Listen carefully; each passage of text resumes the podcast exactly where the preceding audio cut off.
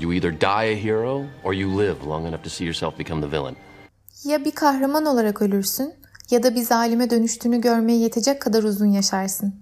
Merhaba mitoloji meraklıları. Batman Kara Şövalye filmindeki Harvey Dent'ten neden bu alıntıyı yaptığımı bölümün ilerleyen dakikalarında anlayacaksınız. Yeni yılın ilk bölümüne hoş geldiniz. Yılbaşıydı, başka işlerdi derken uzun zamandır yeni bölüm kaydedemedim. Ara ara buna isyan ettiniz tabii. Ama az önce baktım son kaydettiğim bölümün yani Özgür'le Blood of Zeus dizisiyle ilgili sohbet ettiğimiz bölümün dinlenme rakamı normalde olanın altında kalmış. Yani tabii anlıyorum muhtemelen dizi izlemeyenlerin çoğu bölümü anlamayacağını düşünerek hiç tıklamamışlar bile. Ama aslında o bölümde biz sadece diziyi konuşmadık. Laf lafa açınca Yunan mitolojisine genel bir bakış attık. Hatta Özgür başka mitolojilerden örnekler verdi. Bazı önemli karakterler ve olaylar hakkında konuştuk filan. E, yani diziden uzaklaşıp bir sürü başka şey konuştuk ve bence çok kafa açan bir bölümdü. O yüzden dizi izlememiş olsanız da e, bölümü dinlemenizi öneriyorum ben. Bir yılı hem de çok zorlu bir yılı geride bırakıp yeni bir yıla başladık. Yeni yıl ne ilginç bir olay değil mi? Yani ne kadar eleştirsek ama dünün aynısı işte filan desek de içimizde bir yerde bir şeylerin yenilendiğini, yeni bir şeylerin olması gerektiğini hissediyoruz. Aslında zaman olduğu haliyle akmaya devam ediyor ama biz sanki oyundayken bir an durup restart yapıp baştan alıyoruz. Hani böyle e, oyuna böyle bir tık kötü başlarız, böyle performansımızdan memnun kalmayız da restart yaparız ya. Onun gibi hissediyorum ben yeni yıllarda. O yüzden zamanla ilgili bir bölüm yapalım dedim. Kronos seçtim. Özgür'le yaptığımız sohbete de Kronos'a biraz değinmiştik. Ee, burada biraz daha detaylı konuşalım istedim ki hem zamanın hakimi olan bu titan kim onu biraz tanıyalım. Hem de bilmeyenler varsa mitolojiye göre evren nasıl oluştu ona bir göz atalım. Bu hikayede adını sıkça duyacağımız isimler Gaia, Uranüs ve Kronos. Kısaca Gaia toprak ana, Uranüs onun oğlu ve aynı zamanda gökyüzü titanı, Kronos da Gaia ve Uranüs'ün oğlu ve aynı zamanda zaman titanı. Bildiğimiz dinlerin aksine mitolojiye göre evreni tanrılar yaratmaz, evren tanrıları yaratır. Evren aslında bu çok popüler tanrılar olan Zeus, Afrodit, Ares'ten filan çok daha önce oluşmaya başlar. Yani biraz panteizme benziyor. Aslında ilk başta daha hiçbir şey yokken kaos vardır. Şimdi burası biraz karışık gelebilir. Dünya, denizler, gökyüzü filan yok. Ee, evrenin tüm unsurları bir arada gibi düşünün. Ee, buna kaos denir. Son derece dağınık, biçimsiz bir boşluk gibi düşünün onu. Hani biz evrenin oluşumunda her şey bir gaz ve toz bulutundan ibaretti filan gibi açıklamaya başlıyoruz ya ona baya benziyor. Ama kaosta bu unsurlar öyle karışık ve biçimsiz ki yani gökyüzü gibi bir şey var ama hava yok. Deniz gibi bir şey var ama su yok filan. Yani hepsi karman çorman bir halde. O yüzden kaos deniyor. Ama bu kaosun içinde düzenin, evrenin tohumları gömülü.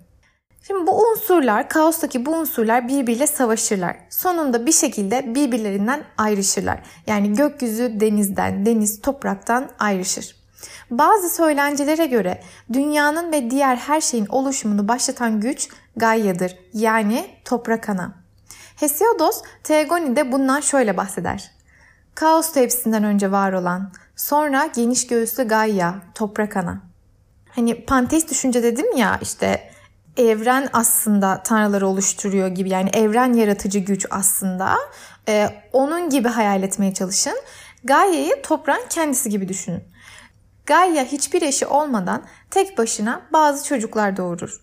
Uranüs yani gökyüzü, Pontus yani deniz, dağlar ve daha birçok titan doğurur. Bu titanları aynı zamanda evrenin parçaları gibi düşünmeniz gerekiyor.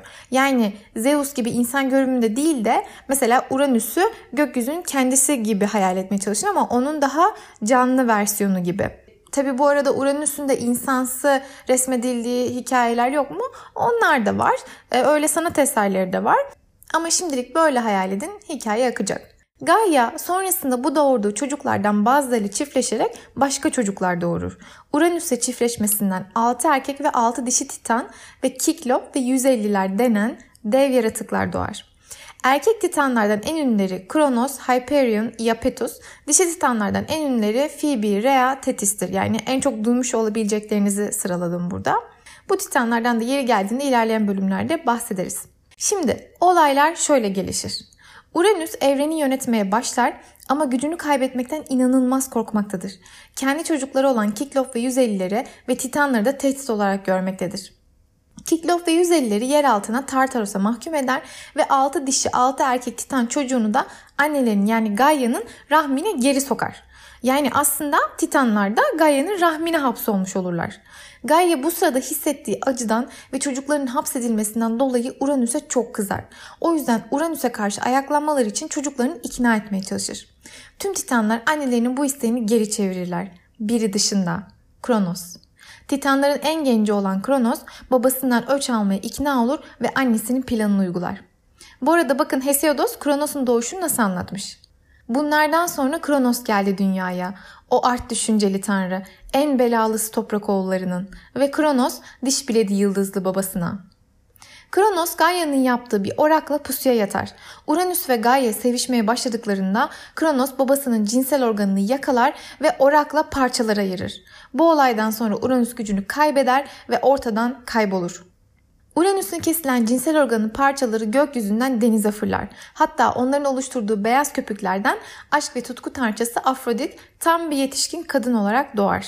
Hatta Hesiodos Theogoni de Afrodit'in adının köpükten doğan anlamında bu hikayeye dayandığını söyler.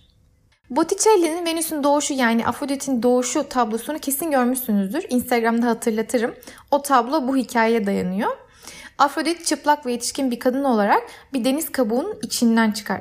Milattan önce 4. yüzyıldan kalma bazı heykelciklerde de yine bu deniz kabuğu ve Afrodit ilişkisi görülüyor. Deniz kabuğunun vulvayı temsil ettiği söylenir. Sanat tarihçileri daha iyi açıklayacaklardır. Bu arada Yunan mitolojisine göre Uranüs'ün organına düşüp Afrodit'in doğumuna sebep olduğu bu yer Güney Kıbrıs'ın Bafos yani bizim Baf dediğimiz kentin yakınları. İlyada'da Afrodit'in doğumu başka şekilde anlatılıyor bu arada. Onu okumuş olanlar varsa itiraz etmesin. Ben bu Afrodit'in deniz köpüklerinden doğduğu versiyonu daha çok seviyorum. O yüzden böyle anlattım. Hem düşündüğünüzde aşk ve tutku tanrıçasının babasının kesilen cinsel organın denizi döllemesinden doğması yani çok mantıklı Yunan mitolojisi kurgusuna baktığınızda. Bu arada Hesiodos der ki Uranüs'ün cinsel organı denize düştüğünde sadece Afrodit doğmaz. Yere düşen kan damlalarından da Erinyeler doğar. Erinyeler öfkeliler anlamına gelir. Bakın Uranüs'ün kanı toprağa düşüyor. Yani yine Gaia'yı döllüyor aslında. Ve öfkeli yaratıklar doğuyor. Bu da mantıklı değil mi? Çünkü Gaia zaten Uranüs'ü öfkeli ve aynı zamanda normal şekilde değil yani spermle değil kanla dölleniyor. Öfke ve intikamın vücut bulmuş hali gibi düşünün bu elinyeleri. Sayıları belli değil ama genelde 3 kişi olarak bilinir. Ee, saçları yılandan oluşur, gözlerinden kan damlar, bedenleri kanatlı köpekleri andırır. Bunlar doğa yasalarına karşı gelen insanlara işkenceden yaratıklar. Şimdi bizim aile trajedisine geri dönelim. Uranüs gücünü kaybedince doğal olarak Tartaros'a hapsedilen Kiklop ve 150'ler ve Kronos'un Titan kardeşleri özgürlüklerine kavuşurlar. Babasının yerine geçen Kronos evrenin hakimi olur ve kız kardeşi Rhea ile evlenir. Rhea da toprak titanı, toprak tanrıçası gibi bir nevi yani işte Gaia'nın devamı olan bir titan gibi düşünün. Dikkat ederseniz toprak çok önemli çünkü mitlerin ortaya çıktığı dönemde insanların yaşamları tarıma, toprağın verimliliğine çok bağlı.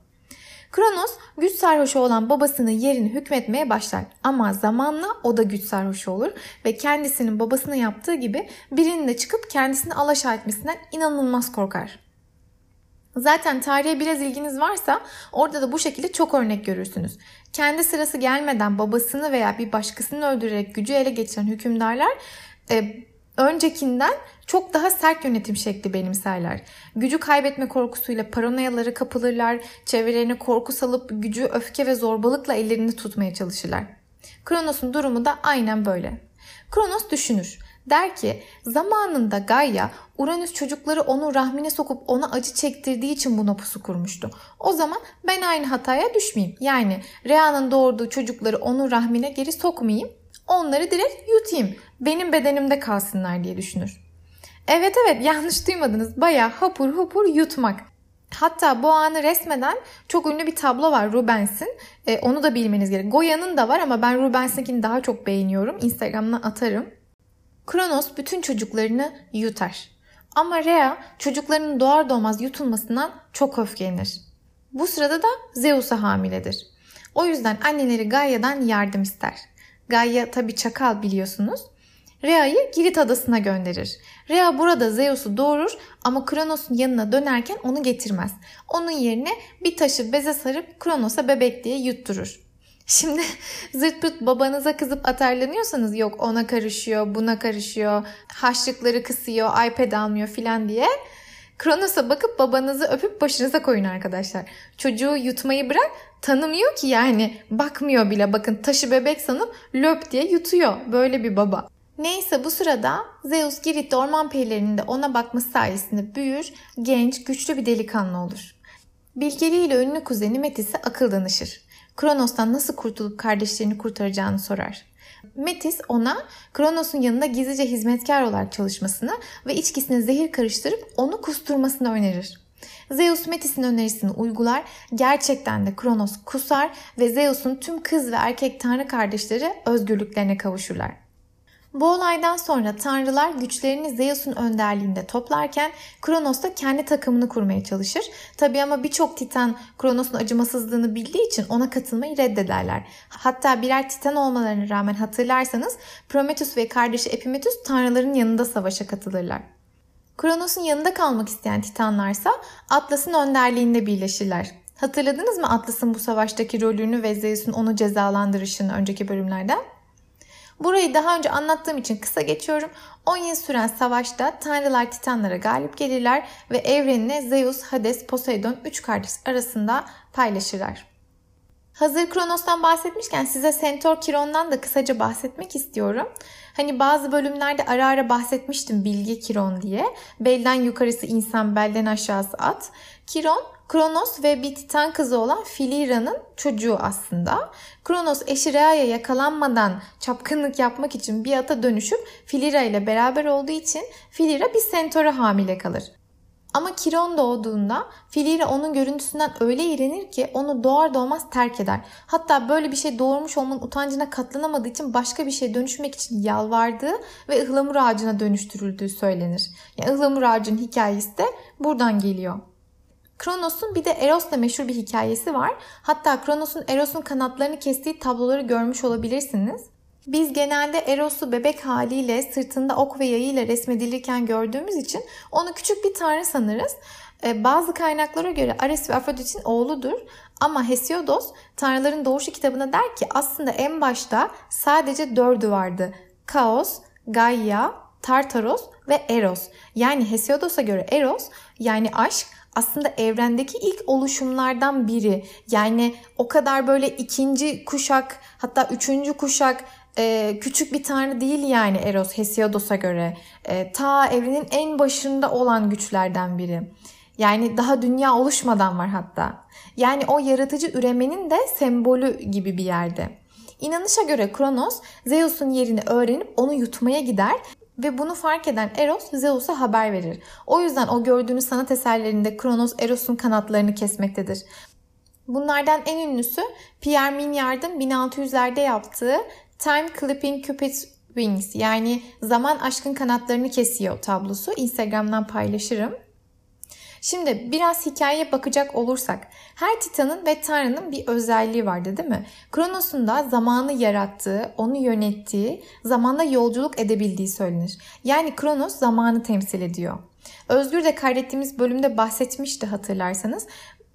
Bakın aslında Kronos'un Rhea'dan çocukları oluyor. Yani zamanın topraktan çocukları oluyor. Yine her şey topraktan geliyor zamanla oluşuyor ama sonra zaman onları yutuyor. Gerçekten de zaman böyle bir şey değil mi zaten? Zamanla yaşlanıyor ve ölüyoruz. Yani zaman yaratımına vesile olduğu her şeyi yok ediyor. Hacivat ve Karagöz neden öldürdü diye 2006 yapımı çok şahane bir yerli filmimiz var.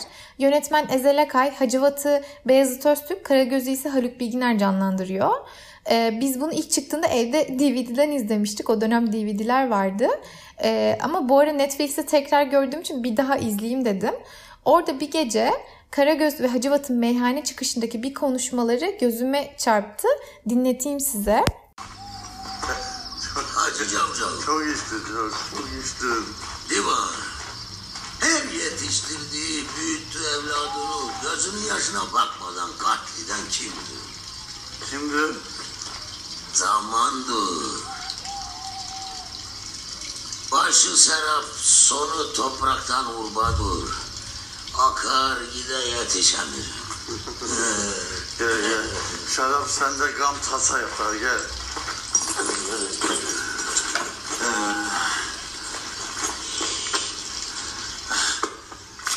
Canın alır ama bu gölgelere gidebilir ki zaman. Belki çok anlaşılmıyordur o yüzden konuşmaları ben tekrar edeyim burada. Karagöz diyor ki Hacı Cavcav de bana her yetiştirdiği büyüttüğü evladını gözünün yaşına bakmadan katleden kimdir? Hacivat soruyor. Kimdir? Karagöz zamandır. Başı serap sonu topraktan olmadır. Akar gider yetişemem. Hacivat diyor ki canını alır ama bu gölgeleri ne edebilir ki zaman?'' Tabii ben bu filmi izlerken 14 yaşındayım. Mitoloji okumamışım yani çizgi filmlerde falan görmüşüm en fazla. Bu sahnede mitolojik hikayeye atıf yapıldığını şu anki bilgi seviyemle fark edebiliyorum.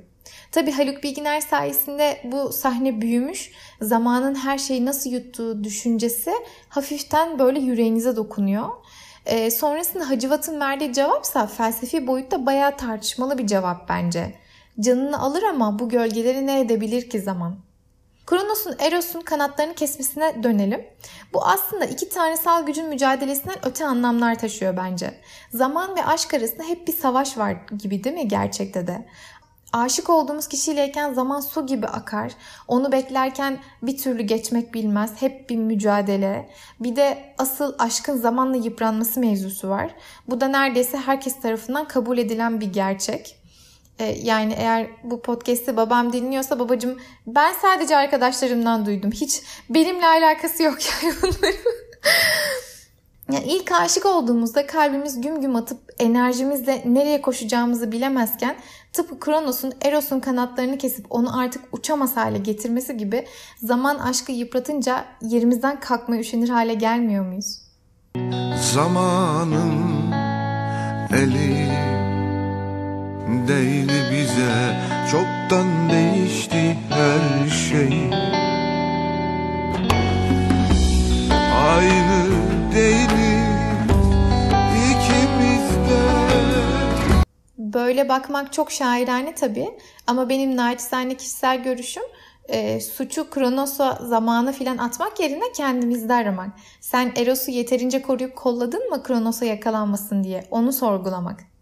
Günümüzde adını Kronos'tan alan birçok şey kullanıyoruz. Kronoloji, e, kronometre kelimeleri onun isminden geliyor. E, Kronos'un Roma mitolojisindeki adı Satürn. Satürn gezegeninin adı da buradan geliyor. Cumartesi gününün İngilizcesi Saturday. O da buradan geliyor. Fethiye'de UNESCO'nun geçici dünya mirası listesinde yer alan Tios Antik Kenti bulunuyor. Orada M.Ö. 2. yüzyıl civarında yapıldığı düşünülen bir Kronos tapınağı bulunuyor. Kapatmadan hatırlatalım. Kronos'u heykel ve tablolarda elinde bir orak ya da tırpanla e, yanında bir kum saatiyle tasvir edilirken görebilirsiniz. Kronos başta annesini ve kardeşlerini güç sarhoşu zalim babasının elinden kurtarıp özgürleştiren bir kahramanken gücü kendisi ele geçirdikten sonra o da tıpkı babası gibi bir zalime dönüştü. Şimdi bölümün başında Harvey Dent'ten neden öyle bir alıntı yaptığımı anlamışsınızdır. Yani güç en iyileri bile zehirleyip onlardan en korkunç tiranları yaratabiliyor. Tüm gücün tek bir kişide olması bu yüzden çok tehlikeli. Ki bakın sonrasında onu yenen oğlu Zeus aynı şeyi yapmıyor. Evrenin yönetimini üç kardeş Zeus, Hades, Poseidon aralarında bölüşüyorlar.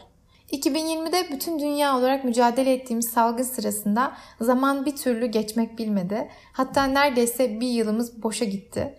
Ama bu yıl çok daha güzel zaman geçirmeniz ve biz fark etmeden Kronos bizi yavaş yavaş yutsa da sona varana kadar çok eğlenmeniz dileğiyle. Zaman zaman zaman zaman o zaman